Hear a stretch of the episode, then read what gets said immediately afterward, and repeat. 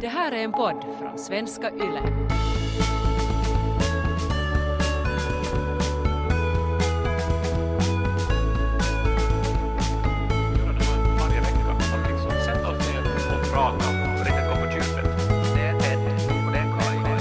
Välkomna till här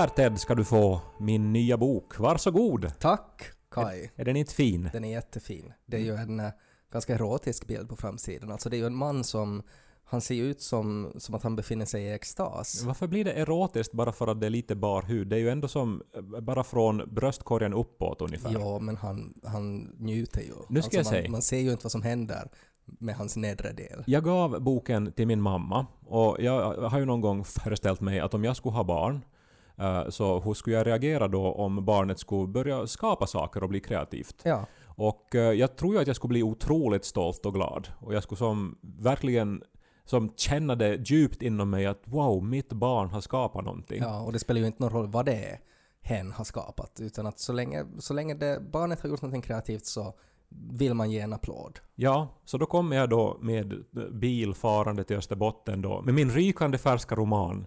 Ger ett av de första exemplaren till min mamma och hon tittar och säger Ja, det var en våga bild. Inte så här att ”Oho! Nej men, är den färdig? Grattis!” och inte liksom ”Vad tjock den är! Ja. Oj, vad spännande den här baksidestexten låter!” Nej. utan ”Det var en våga bild”. Ja, och då- är det ju inte alltså att det är ju en, alltså en sensuell bild skulle jag säga, men att det är ju inte som en Harlequin-roman. Alltså det är ju inte sådär att, att man tänker på sex genast, utan att det är bara sådär att ja, alla skulle inte säga att den är vågad. Men alltså om det är en harl... Eller... Harlequin-romaner har ju sådär att de nästan har sex på pärmen. Al- Alltså det är väl det att den här kanske antyder någonting. Arlekin-romaner är ju så här rakt på sak. Ja, att- men exakt. Att där är ju de här sensuella blickarna som lämnar ingenting vet du, till tolkning. Nej, utan man exakt. vet ju att de strax ska gå upp på höskullen Det var- och fjocka. Det var precis det jag menade, och jag tänker att då skulle din mamma, att, då skulle hon kunna säga att det var en vågad bild. Ja. Att, att det är fem sekunder före fjåk. Ja, men i alla fall, eh, jag är ju nu då eh, lättad och stolt över att den här boken är ute, men nu inträder ju den här fasen då att, eh, att nu är det ju faktiskt människor som jag, som jag absolut inte hade tänkt att sk- skulle läsa den här boken, som kanske läser den. Och eh, den är ju alltså... Jag vill inte använda ordet vågad, för då går jag liksom med på min mammas terror, eller vad ska jag säga? Terror är bra ord. Ja, men utan... Men det, Terrorism. Men den innehåller, alltså den här romanen behandlar ämnen som, som ju är för en del människor kanske ganska magstarka. Eh, Den är lite kinky, den här boken. Ja. Och eh, det är ju intressant att det ordet också börjar på K, för att jag, jag tycker jag samlar på mig allt som börjar på K, och det är ju som just för en som stammar, då K är den svåraste bokstaven, så har det ju varit jobbigt att vara Kai Korkea Aho och sen kirjailija Kai Korkea och sen komikko och kolumnisti Kai Korkea Aho. Nu blir det också kinky kirjailija kolumnisti Kai, Kinky- komikko Kai Korkea Aho. Terve. Kinki kirjailija, kinki kolumnisti ja kinki koomikko kai. Kinki, kinki aho. Kiitos. ja, det, men det, det är ju... Inte vet jag. Det är väl Guds straff. men, det, ja. Men det är just det här, alltså, eh, för att när man skriver ju en bok då så har man sin dörr stängd och sitter där och fantiserar och funderar och eh, formulerar sig noga. Och man vågar alltså gå in på ämnen och man vågar gå in på tankar där i sin ensamhet som, man, som, som, som, som inte är lika lätta då att eh, lyfta fram No, men i, en, I ett samtal med sin mamma till exempel. Men nu då så ska ju mamma då eh, ta, ta del av de här tankarna och de här fantasierna i efterhand. Och inte bara det, utan massa människor hör, hör av sig. Nu är det liksom eh, en bokklubb i min hemby eh, där jag tror att liksom, där ingår, vet du, människ, alltså, ja, där, där ingår en arsenal av människor från min eh, uppväxt och liksom som arbetar inom församling och, Ja, nu, och må, nu inom... måste jag bara inflika här då att nu är det ju endast dina fördomar här nu som på något sätt påstår att de människorna inte skulle vara kinky. Nej, eh, inte mina fördomar utan mina rädslor. Ja. Eh, För, för att liksom, det, där- de tänkte jag ju inte på när jag skrev den här boken. Alltså att Mm. nu, nu ska jag som, vet du, diakonissan läsa det här i. Essie. Utan, utan jag tänkte ju att, att, att nu säger jag nå- någonting som är viktigt och sant och som jag står för när jag är här ensam. Mm. Men eh, skulle jag stå där inför diakonissan, skulle jag då uttrycka samma tankar? Men Du, du förstår att det, det är ganska Ja. känsligt just nu. Nej, jag förstår. Alltså det är ju... Det är ju för när man sitter ensam och skriver så är det bara sin egen hjärna. Och, och, och, och, och man är liksom i skydd när man tänker och skriver. Och då är det lättare att göra. Men att om du skulle ha diakonissan och din mamma i rummet som skulle sitta vid varsin laptop och se allt vad du skriver och så skulle, när du skriver en mening så skulle de vara så här... "I- Ja. att det blir så här att man märker att de reagerar på någonting men de, sa, de säger ingenting. Då skulle det ju vara lite jobbigt. Ja, eller om varje gång jag liksom skriver någonting som antyder att någon hade tagit av sig tröjan, Mm. så då skulle jag höra bara jag var nog våga i det. Det var en gång en Essebo och en Pormobo som till Åbo for till börja Radio Pleppo i lag som har valt i en podd idag. Hej! Snart kommer Ted och Kai, vi lyser med samma vi jagar haj. Hörlurar ni till i fot så pop nu denna popcorn. Det finns en fråga som jag inte har kunnat släppa den senaste tiden, som till och med har hållit mig vaken på nätterna. Jag har eh, motstått frestelsen att väcka Niko, eh, för jag vet att han nu börjar jobba igen och att eh, en lärare som återgår till sitt jobb efter det sommarlovet så är känslig och behöver all sömn de kan få. God bless you alla lärare som börjar jobba igen nu. Ja, det var snällt sagt. Ja, men eh, jag har ändå legat uppe och uh, våndats. Och jag tänkte nu... om jag ställer det rakt ut till dig nu Ted. Mm. Vill du hellre ha någonting som är vackert eller någonting som är sant? Eh, I allmänhet eller sådär till lunch. alltså, för, att, för att till lunch så ska svaret vara förstås vill jag ha någonting som är sant. Det behöver inte vara vackert. Jag vill bara att det ska vara en, en sann lunch. Och med det så betyder det att det ska vara varmt, det ska gå att äta med bestick. Men man det ska ha där- tid att sitta en stund. Ja, intressant. Fast betyder det då att man kan liksom sätta då din portion med pasta carbonara i en mixer och göra det till en grå gröt? Nej, nej, nej, nej. Utan att, att liksom en sann lunch är liksom den där husmanskosten gjort av någon tant i en källare som inte bryr sig om hur måltiden ska se ut på Instagram. Men någonting som är vackert, så det är som en sån här street food hotdog som är underbar att ta ett foto av men som kanske inte är så god. Ja, okej. Ja, alltså jag vet till exempel när man rör sig i Sydeuropa så har de såna här bakverk på display i fönster. Mm. Som är såna här otroligt stora fluffiga tårtor som på något vis ändå ser ut att vara gjorda av plast. Ja, Alltså om man som ser den på avstånd så är man som att oj, en saftig tårtbit, men ju närmare Mm. man går så blir de på något vis så här obehagliga. Att, att, att de, de, de, de ser ut att vara gjorda för att vara vackra och inte för att vara goda. Mm. Men eh, om man, om man drar det ett steg vidare så tror jag att det kanske har någonting att göra med ålder. Jag tror att ju yngre man är så desto mer ska man föredra någonting vackert och ju äldre man är så desto mer börjar man föredra sanning. Jag tänker på val av partner till exempel där det yttre först spelar roll men sen är det sanningen som är det långsiktiga alternativet. Ja, precis, alltså det som har hållit mig vaken är att den här frågan på något vis öppnar sig valv efter valv efter valv oändligt. Mm. Alltså att nästan allting i livet verkar handla om det här. Mm. Och om hur vi som människor har en tendens att vilja förenkla och försköna och det här sker liksom hela tiden automatiskt. Mm. Får, får jag bara inflika en parentes för att jag tror att jag inte är den enda, men att alltid när du använder det där uttrycket, när du säger valv efter valv efter valv, så tänker jag på din tarm. Ja. Sen det ena poddavsnittet. Jag tänker på Thomas Tranströmer, frid över hans minne. Men eh, visst kan du tänka på min ändtarm också. Ja, och, och det är ett problem för att alltid när jag stöter på det där ordet så, så tänker jag på det. Ja. Och, och just i en sån här diskussion när man pratar om någonting vackert eller någonting sant så ja, att det bara ploppar upp. Ja, no, det är en dikt som heter Romanska bågar. Jag Mm. rekommenderar att alla läser Thomas Tranströmer, för Mm. att man mår bättre om man gör det. Ja, får, får jag fortsätta på parentesen ännu? När man studerar till rövdoktor Ja. Jag kommer inte på vad det heter på riktigt. Men det finns ju ett finare ord. Bakdoktor. Proktolog eller någonting. Proktolog. Ja. Precis, när man studerar till proktolog.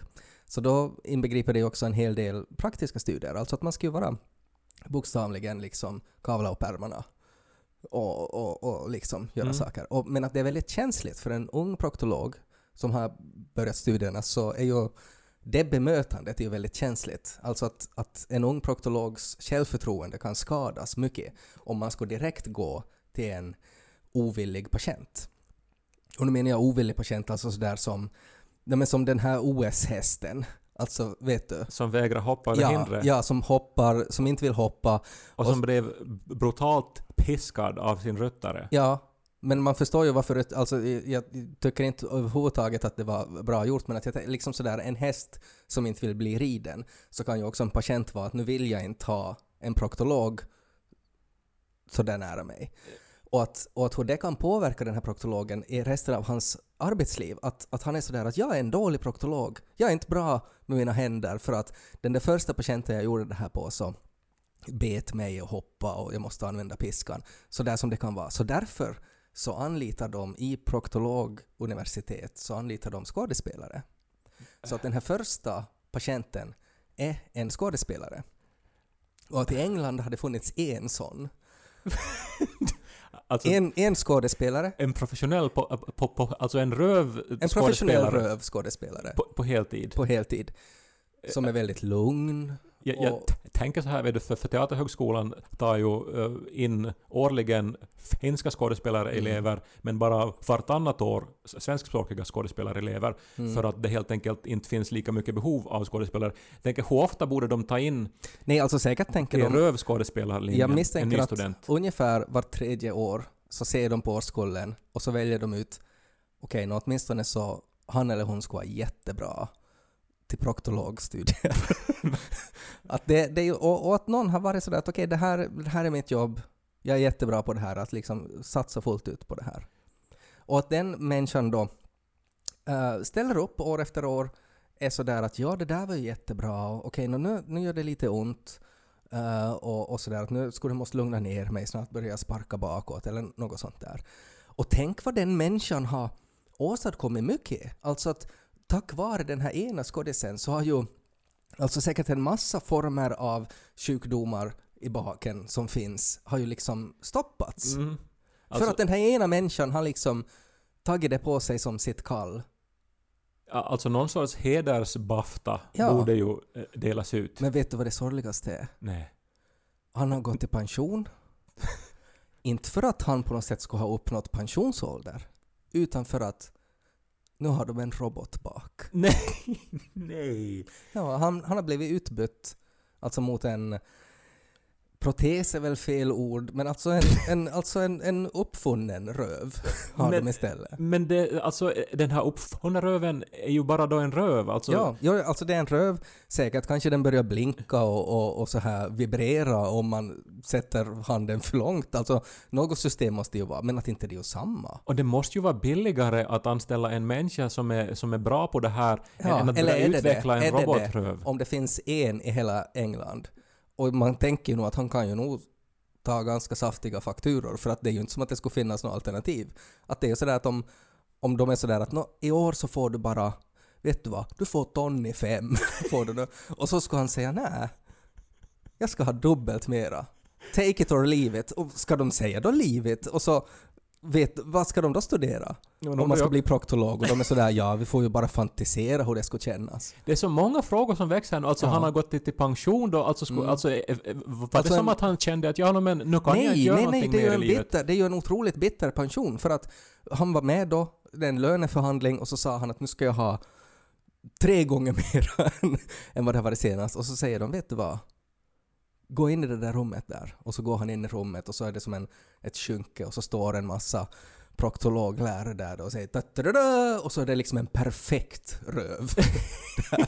Och så säger de att vet du vad, det där är, det, det där är nya du.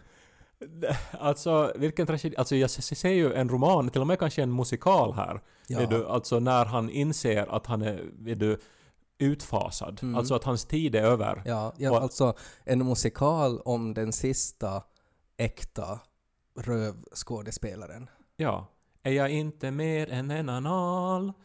Det, var en sån där. Jättebra. Man skulle kunna kombinera det med den där, minns du det där YouTube-klippet med han som hade fjärtat så vackert? Vi kan lyssna på det. Ja,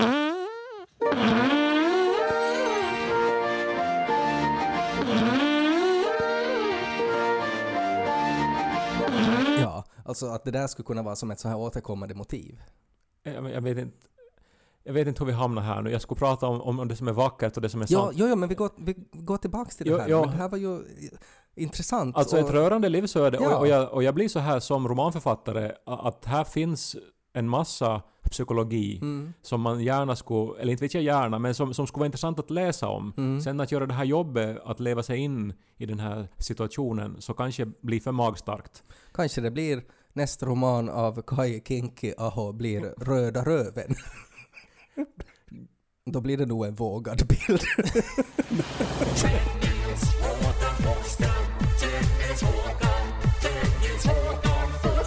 Men oftast är det ju när man liksom går på djupet med någonting som, som man går över gränsen mellan vackert och sant. Eh, Och till exempel om man utbildar sig, då nu ska vi inte prata mera om proktologi, men liksom när man eh, ser på människans matsmältning i det stora hela så är det ju helt fantastiskt att vi kan äta en frukt och sen får vi energi och vi får vitaminer och vi får högstenar till vår kropp och så vidare.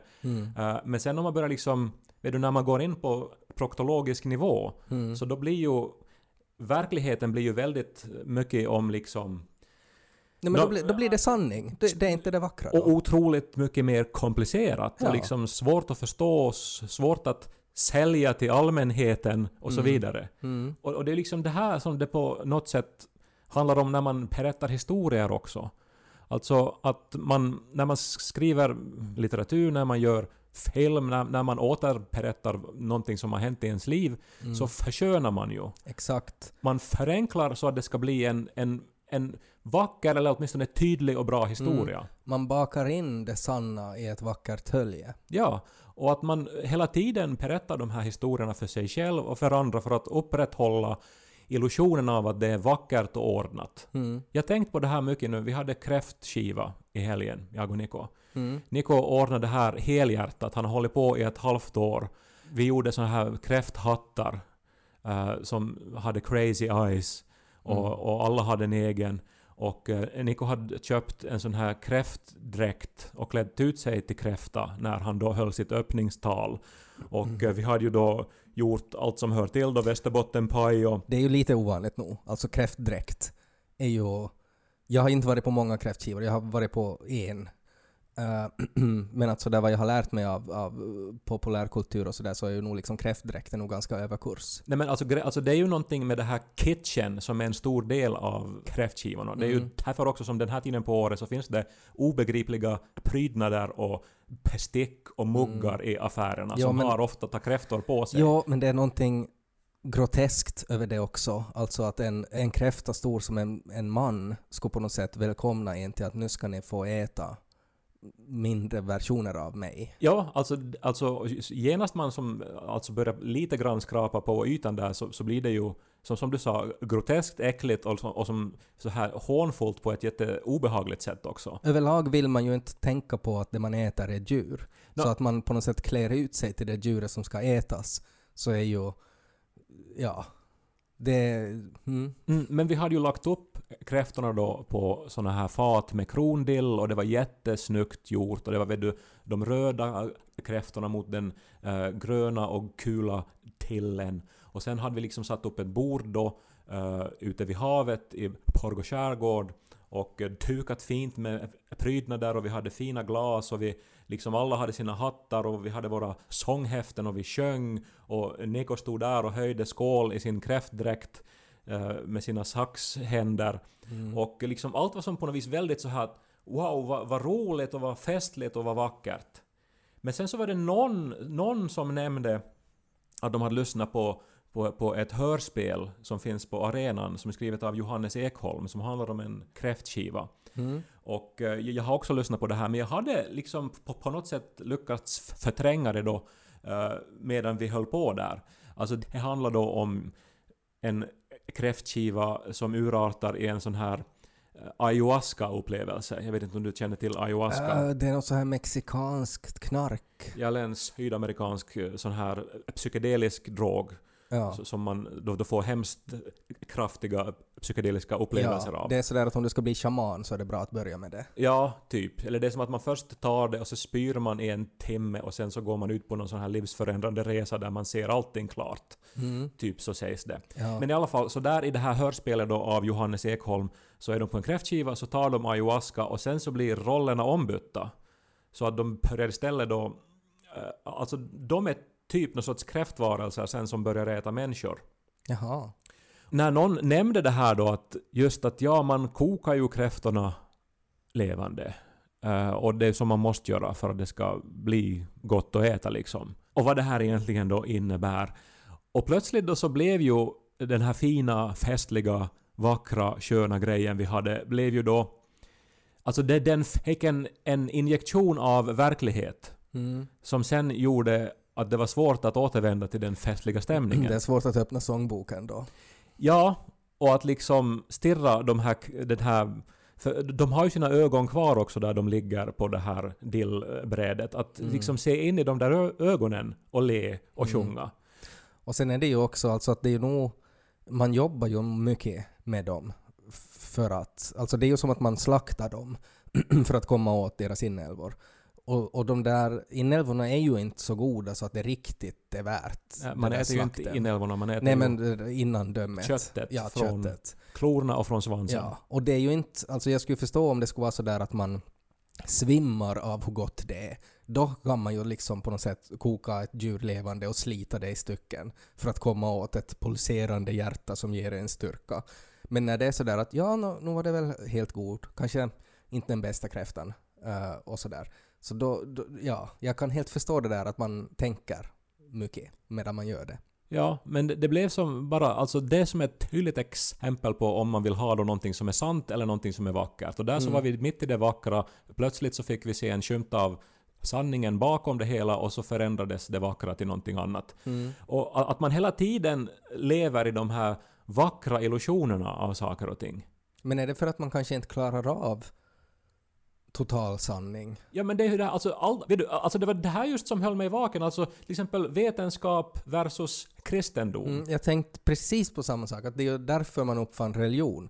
För att när man lever i total sanning, när man ligger och spyr i en grotta, ena foten är uppäten, man vet att man har några dagar kvar tills man dör av inälvsmask. Så då är det ju nog fint att inte fokusera på det utan att tänka på Tor då, vad han håller på med, med sina hamrar och sådär. Ja, och inte bara då, utan överhuvudtaget när världen känns kaotisk så är det skönt att liksom gå in i sitt eh, trygga bo och liksom tänka på en saga och på att allt ändå liksom är ordnat på något sätt. Att det, det finns mening och det finns en framtid och det finns alltid hopp och det finns någon som bryr sig om mig och det finns någon som har planerat det här. Liksom att ta den vackra sagan till sig Ja, är ju väldigt mänskligt också. det är det. Men, men jag antar att du håller med nu då om att den här frågan är på något vis otroligt stor och viktig och, och intressant. Och att man kan ligga vaken. Ja, ja, ja jag, jag ser. Den är mångfacetterad, man kan dra ut den hur långt som helst. Ehm, och det på något sätt säger saker om mänskligheten och om en själv, vad man prefererar. Och kanske också vilka situationer, alltså sådär att man, man är i olika faser i livet så är man i större behov av vackert och i större behov av sanning. Sen till min stora glädje så fick jag lite tröst när veckans bästa klipp nådde mig. Och nu är ju det här förstås visuellt, men jag hoppas att ni alla går och letar upp det här. Vi kan säkert sätta det i Ted och Kajs omklädningsrum också. Ni har kanske sett det redan. Men det är alltså på en konsert uh, med Cardi B och Megan Thee Stallion uh, där de gör låten Wet Ass Pussy. Men att det här är alltså filmat då på teckenspråkstolken. Som alltså samtidigt som låten pågår står och tolkar den till teckenspråk inför de som, som då inte hör texten. Det är ett fint klipp. Det är ett fantastiskt klipp och här har vi ju liksom både sanningen och det vackra på en och samma gång.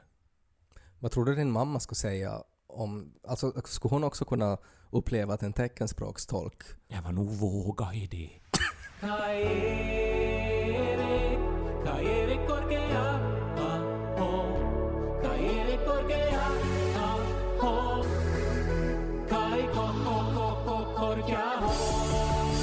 här med sant och vackert återkommer ju också om man nu som ska dela in uh, kulturyttringar i underhållning versus konst också.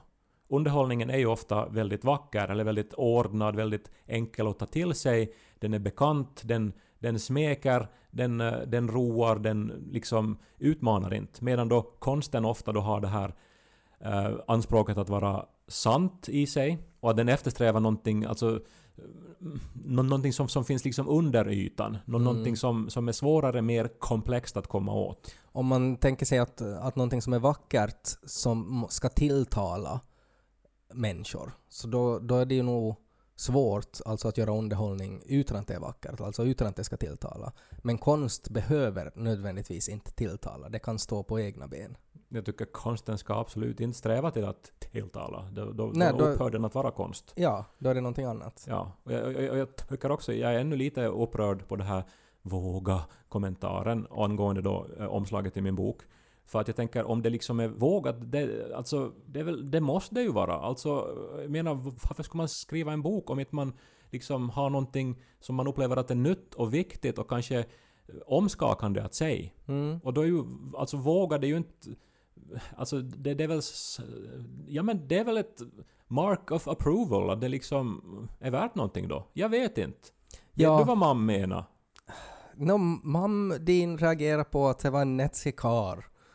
Är det så lätt? Ja, och det måste hon ju få göra. Det var hennes, det var hennes ärliga första respons. Hennes eh, son kommer med sin rykande färska roman, ger den åt, åt henne.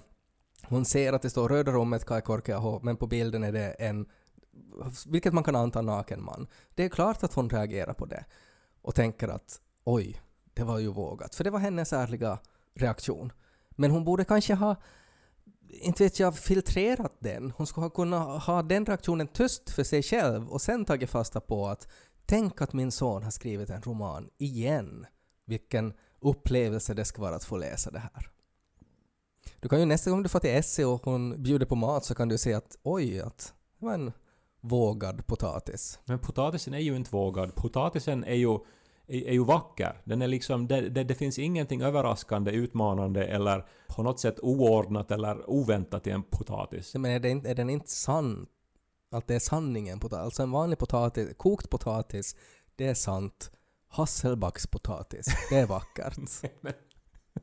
Om hon skulle ha vet du, gjort bulgur färgat med bläckfiskbläck Ja, plötsligt, ja, då skulle det ju vara, vågat. då skulle det vara vågat. För man vet inte vad du tycker om maten. Och hon reagerar på att det här var vågat. Va, vad ska jag tycka om boken? Kära lyssnare, lev livet mera, mera sant. Eh, Njut av det vackra, men sträva till sanningen. Ska vi säga så? Hälsar Kinki kolumnisti kirjailija Kai Korkea-aho komedienne. Vi säger så.